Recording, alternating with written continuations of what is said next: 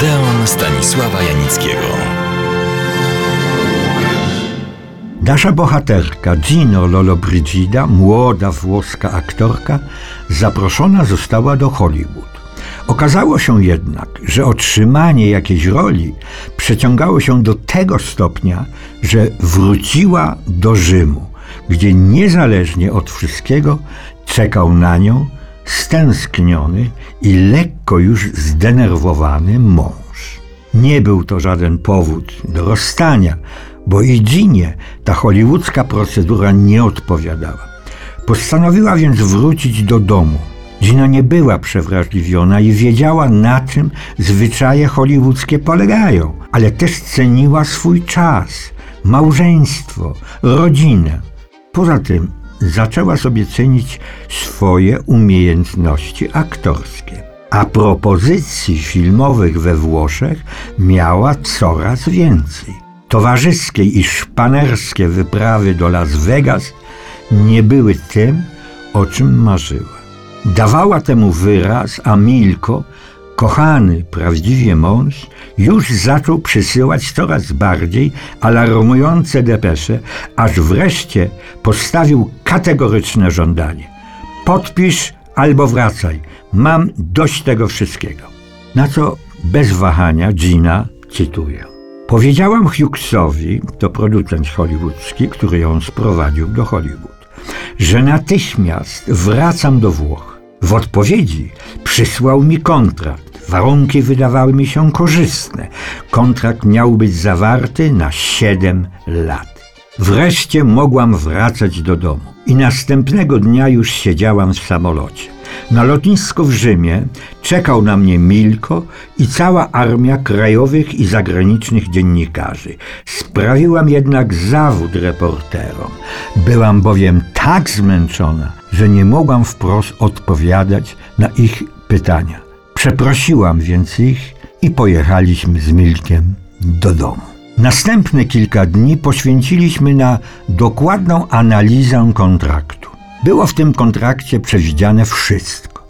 I moje ewentualne choroby, i sporty, jakie wolno mi uprawiać, i jakimi nie wolno mi się zajmować. Przewidziano nawet trzęsienie ziemi i rewolucję.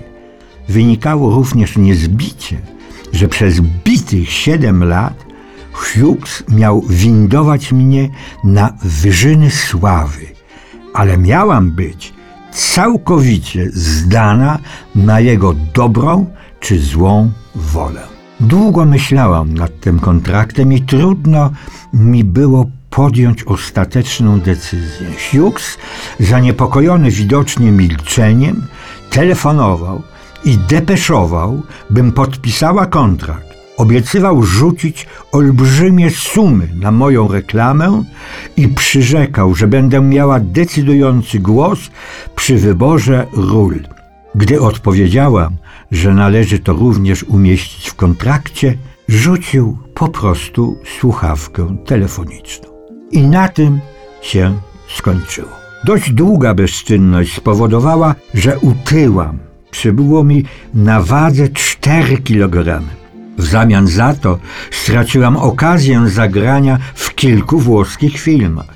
Czas upływał, nasze oszczędności topniały, a żadnej ciekawszej propozycji nie otrzymała. To też z dużą przyjemnością przyjęłam propozycję Carlo Licianiego, bym zagrała w filmie Achtung Banditen. Wprawdzie warunki finansowe nie były najlepsze, ale rola dawała mi wiele satysfakcji. Krytyka orzekła, że zrobiłam poważne postępy.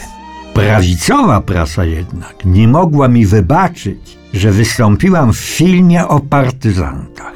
I znów nastąpił okres przerwy w pracy.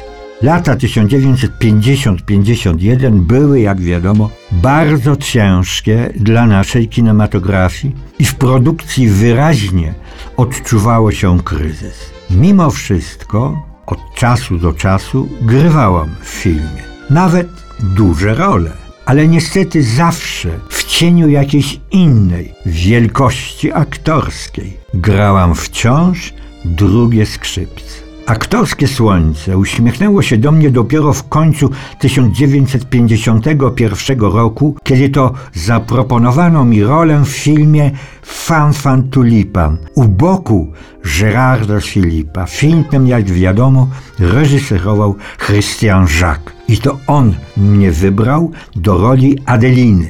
Był to przełomowy moment w moim życiu i aktorskiej karierze. A o wspomnianym znakomitym filmie z parą niezwykłych aktorów, wspomnianych już Gérard Philippe i Ginie Lollobrigide, opowiem już za tydzień.